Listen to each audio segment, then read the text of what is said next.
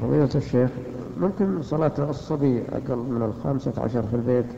لأنه قد يؤذي المصلين أو يلعب مع واحد ثاني أو كذا في البيت ولا في المسجد؟ في البيت. هل يجوز يصلي في البيت؟ المسجد؟ المشروع أن الصبيان يحضرون المساجد ويصلون مع الناس. لقول النبي صلى الله عليه وسلم ليلني منكم أولو الأحلام والنهار. وهذا يدل على أنه يوجد الصغار لكن النبي صلى الله عليه وعلى آله وسلم أمر الكبار أن يتقدموا وأن يأتوا مبكرين حتى يأخذوا الأمكنة الفاضلة. فصلاة الصبيان في المساجد من السنة.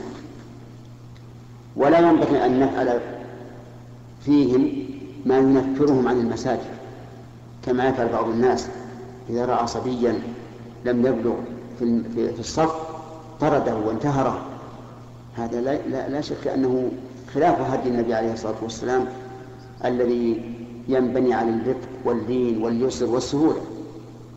نقول أبقه في مكانه حتى لو كان في الصف الأول حتى لو كان خلف الإمام أبقه أما إذا حصل منهم لعب ولم يمكن تأديبهم فهنا نخرجهم من المسجد. لكن هناك مرتبة قبل إخراجهم من المسجد وهي أن نتحدث إلى أوليائهم. حتى لا يكون في نفوسهم شيء علينا لو أخرجناهم.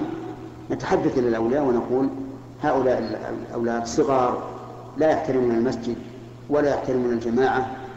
فلو أنك تركتهم حتى يكون لهم شيء من حسن التصرف لكان أحسن.